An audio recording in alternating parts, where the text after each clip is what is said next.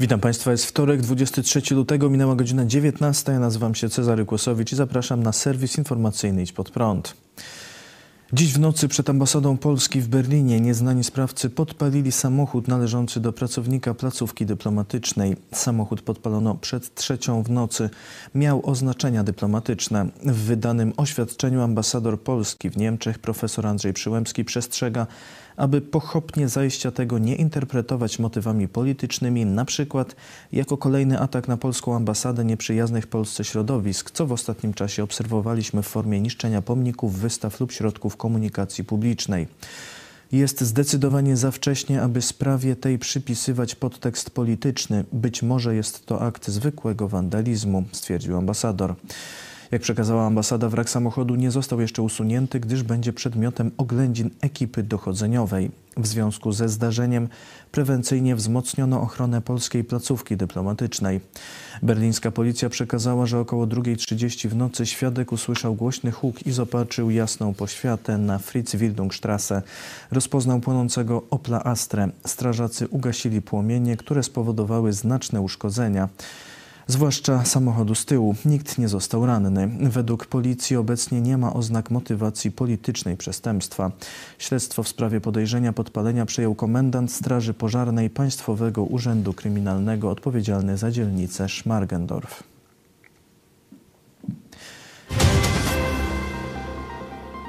247 zgonów i 6300 nowych zakażeń chińskim koronawirusem to dane podane dziś przez resort zdrowia. Łącznie z powodu wirusa w Polsce zmarło już 42 200 osób. O prawie 500 wzrosła od wczoraj liczba łóżek szpitalnych zajętych przez osoby zakażone i obecnie wynosi 13 300. Liczba respiratorów wykorzystywanych do leczenia zakażonych utrzymuje się na poziomie ponad 1300. Polsce wykonano już ponad 2 miliony 750 tysięcy szczepień przeciw koronawirusowi, w tym 41 tysięcy wczoraj. Dwie dawki szczepionki przyjęło już 934 tysiące osób. Potwierdzono 2725 przypadków niepożądanych odczynów poszczepiennych. Jutro rząd ma ogłosić kolejne zmiany w obostrzeniach. Prawdopodobnie ogłoszony zostanie nakaz korzystania z maseczek chirurgicznych lub materiałowych, których nie będzie można zastąpić szelikiem lub przyłbicą oraz obowiązek posiadania negatywnego wyniku testu na koronawirusa dla osób wjeżdżających do Polski z zagranicy. Wprowadzona ma też być regionalizacja obostrzeń. Dziś w nocy bez uprzedzenia rząd wprowadził kilka zmian w rozporządzeniu mówiącym o obostrzeniach. Zgodnie z regulacjami, które weszły w życie dzisiaj, z kwarantanny przy wjeździe na teren Polski zwolniono uczniów i studentów, którzy przekraczają granice w celu pobierania nauki oraz ich opiekunów, a także osoby prowadzące działalność naukową. Kwarantanny nie muszą też odbywać osoby posiadające zaświadczenie o szczepieniu preparatem dopuszczonym na terenie Unii Europejskiej. Rozporządzenie pozwala też na wznowienie leczenia uzdrowiskowego. Osoby chcące rozpocząć turnus leczniczy lub rehabilitację muszą mieć negatywny wynik testu na obecność koronawirusa. Ponadto osoby zatrudnione w ogrzewalniach i noclegowniach włączono do pierwszej grupy szczepień. Rozporządzenie wspomina też o kasynach, które mogą działać już od 12 lutego. Teraz wprowadzono tam zakaz spożywania posiłków. Poza tym, zgodnie z rozporządzeniem z zakazu zgromadzeń, wyłączone są konkursy na aplikację sędziowską i aplikację prokuratorską. Koreańczycy zbudują centralny port komunikacyjny w Polsce. Portal Many.pl podaje, że w najbliższy piątek ma zostać podpisana umowa między zarządem Centralnego Portu Komunikacyjnego a Incheon, czyli głównym międzynarodowym lotniskiem Korei Południowej oraz porozumienie między rządami Polski i Korei Południowej. Dokumenty mają dotyczyć współpracy przy budowie portu lotniczego. W listopadzie ubiegłego roku prezes zarządu CPK Mikołaj Wild informował, że lotnisko Incheon zostało głównym doradcą strategicznym polskiego portu. Według portalu Many.pl wstępna umowa została podpisana już kilka tygodni temu. Umowy, które zostaną podpisane w piątek, mają rozszerzyć rolę Korei Południowej z doradcy do partnera Centralnego Portu Komunikacyjnego. Informator portalu powiedział, to będzie oficjalna inauguracja współpracy między CPK i Incheonem, ale także Między polskim rządem a rządem koreańskim podpisane zostaną dwa dokumenty.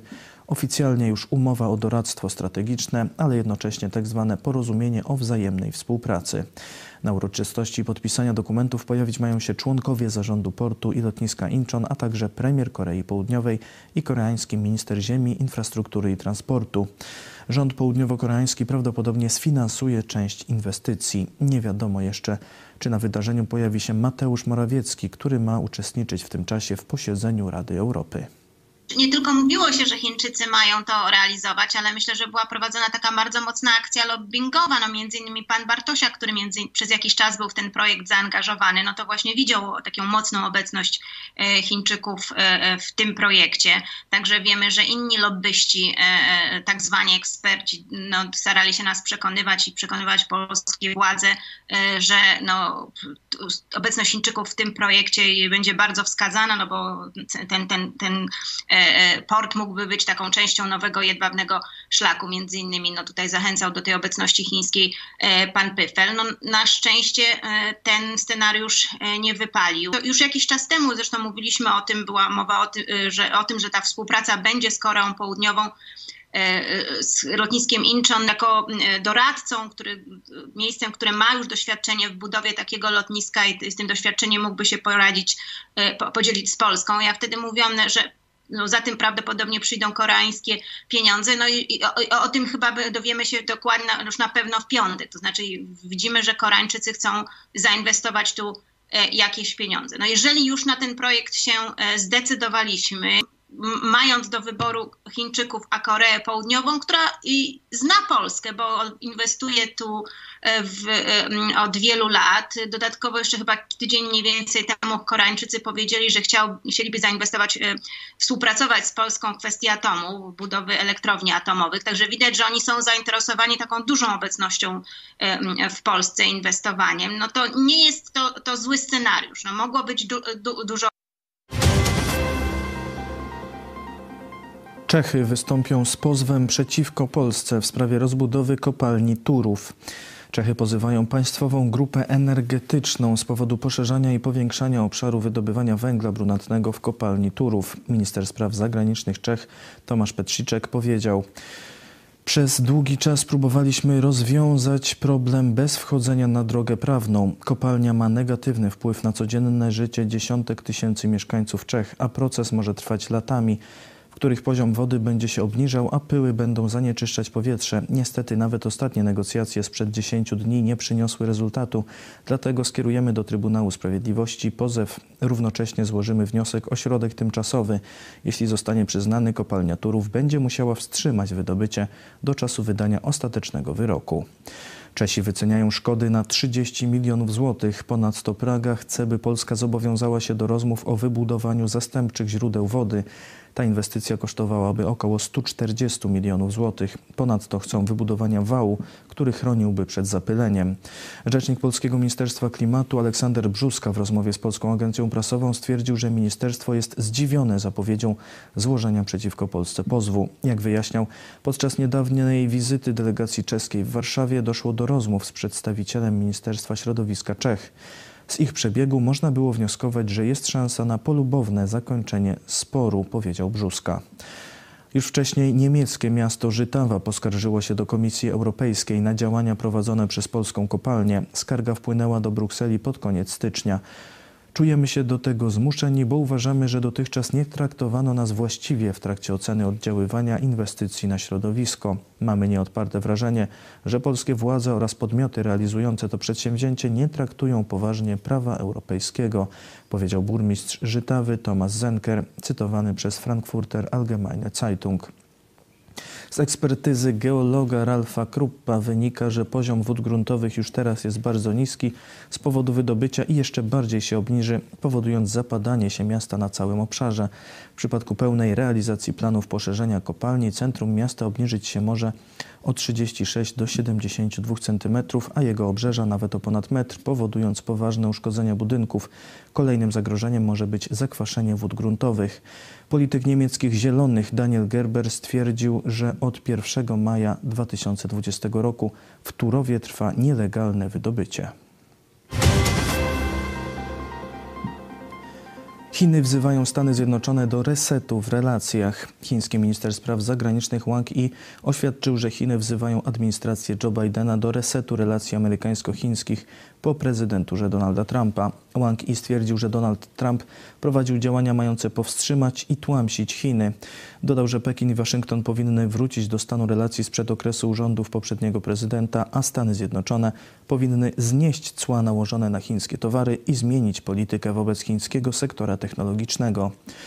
Wezwał także Stany Zjednoczone do respektowania interesów i zaprzestania ingerencji w, sprawi, w sprawy wewnętrzne Chin oraz zaprzestania spiskowania z separatystycznymi siłami dążącymi do niepodległości Tajwanu. W ciągu ostatnich kilku lat Stany Zjednoczone w istocie zerwały dwustronny dialog na wszystkich szczeblach. Jesteśmy gotowi do szczerej komunikacji ze stroną amerykańską i do dialogu w celu rozwiązania problemów, ogłosił chiński minister. Już ponad 2 miliony 480 tysięcy osób zmarło na całym świecie z powodu koronawirusa z komunistycznych Chin. Tylko wczoraj zmarło ponad 6 tysięcy osób. Polska zamyka południową granicę. Wiceminister Spraw Wewnętrznych i Administracji Bartosz Grodecki ogłosił, że osoby przyjeżdżające z Czech i Słowacji będą poddawane selektywnym kontrolom oraz wymagany będzie negatywny test na obecność koronawirusa. Jak zaznaczył, granica nie będzie zamknięta w sensie prawnym, tylko zostaną wprowadzone środki ostrożności epidemicznej. Dodał, że test nie będzie wymagany przykład dla pracowników transgranicznych czy transportu towarowego. Czeski wiceminister zdrowia alarmuje, że intensywna opieka medyczna jest na skraju wyczerpania. Władimir Czerny zaznaczył, że w historii czeskiej opieki zdrowotnej jeszcze nie było tak źle. Dodał, że liczba pacjentów stale rośnie. Podkreślił, że w Czechach już teraz brakuje wykwalifikowanego personelu medycznego. Nasilają się napięcia na linii Bruksela-Berlin. Komisja Europejska zażądała oficjalnych wyjaśnień dotyczących zamknięcia przez Niemcy granicy z Czechami i Austrią, bo jak stwierdziła komisja, część restrykcji jest nieuzasadniona i nieproporcjonalna. Berlin ma dwa tygodnie na wystosowanie odpowiedzi. Michel Roth, niemiecki minister stanu do spraw Europy w niemieckim Ministerstwie Spraw Zagranicznych odrzucił zarzuty Brukseli i oświadczył, że podjęte przez Niemcy kroki są zgodne z umową z Schengen i nie naruszają prawa unijnego. Zaznaczył, że rząd niemiecki w obliczu mutacji wirusa ma obowiązek działać w taki sposób, by ochrona obywateli była najwyższym priorytetem. Zegarek zasilany ciepłem ciała. Już niedługo takie urządzenia mogą być powszechne, mówi, relacjonuje Marcin Palimonka. Z Uniwersytetu w Colorado opracowali urządzenie czerpiące energię z ciepła ludzkiego ciała. Działanie urządzenia polega na konwertowaniu ciepła w energię elektryczną, która może być wykorzystywana do zasilania urządzeń. System składa się z chipów termoelektrycznych połączonych przewodami. Generowana energia to około 1 V energii na każdy centymetr kwadratowy powierzchni ciała. System generuje niewielką ilość energii, jednak wystarcza ona w zupełności do zasilania tzw. Tak wearables, czyli urządzeń, które możemy nosić bezpośrednio na naszym ciele lub ubraniach, takich jak smart zegarki czy bransoletki fitness monitorujące tętno. Wynalazek może okazać się przełomowy, gdyż do tej pory każde urządzenie wearable potrzebowało swojej baterii, Teraz natomiast będzie mogło być zasilane bezpośrednio z ciepła ludzkiego ciała i działać w sposób ciągły. System może trafić na rynek już w ciągu pięciu lat. Teraz czas na wiadomości ze świata sportu. Do dramatycznych wydarzeń doszło na boisku drugiej ligi włoskiej. Patryk Dziczek, polski piłkarz grający w zespole Salernitany, zasłabł w 85 minucie meczu z Ascoli. Urodzony w Gliwicach zawodnik wszedł na murawę w 72 minucie spotkania i po niespełna kwadransie zasłabł. Szybkiej pomocy udzielili Polakowi klubowi koledzy, służby medyczne zespołu Ascoli oraz zawodnik gospodarzy Vittorio Paranini. Jak przekazał prezes PZPN Zbigniew Boniek, Dziczek miał crisi vagale, czyli problemy z nerwem błędnym. Został wypisany ze szpitala w Ascoli i przewieziony do Rzymu. Trzeba wykryć przyczynę, powiedział lekarz zespołu Salernitany. To już drugi raz, kiedy Patryk Dziczek zasłabł w trakcie meczu. Iga Świątek bardzo szybko awansowała do drugiej rundy tenisowego turnieju rozgrywanego w Adelaide. Polska tenisistka pokonała w pierwszej rundzie Amerykan Amerykankę Madison Brangle 6-1, 6-1. O ćwierćfinał imprezy Świątek powalczy z Australijką Madison Inglis. Szykuje się wielkie wydarzenie w świecie boksu. Są duże szanse, że byli mistrzowie kategorii ciężkiej Evander Holyfield i Mike Tyson ponownie skrzyżują rękawice. Holyfielda do walki przygotowuje inna wielka sława bokserskiego świata. Bierzemy się do roboty z Władimirem Kliczką, napisał w mediach społecznościowych 58-letni Holyfield, publikując wspólne zdjęcie z Ukraińcem. Póki co nie ma oficjalnych wiadomości potwierdzających, że do walki dojdzie, ale szacuje się, że może być ona warta nawet 100 milionów dolarów. Evander Holyfield wielokrotnie podkreślał swoją wiarę w Jezusa Chrystusa. W wywiadzie udzielonym portalowi Christian Headlines czterokrotny mistrz świata powiedział: Bez Jezusa nie byłbym tym, kim jestem. Mam cel, aby reprezentować Boga i muszę go reprezentować w najlepszy sposób, jaki znam. Wczoraj minął rok od sensacyjnej walki, w której Tyson Fury po głębokim kryzysie i zwyciężeniu depresji zdobył Mistrzostwo Świata Federacji WBC w kategorii ciężkiej.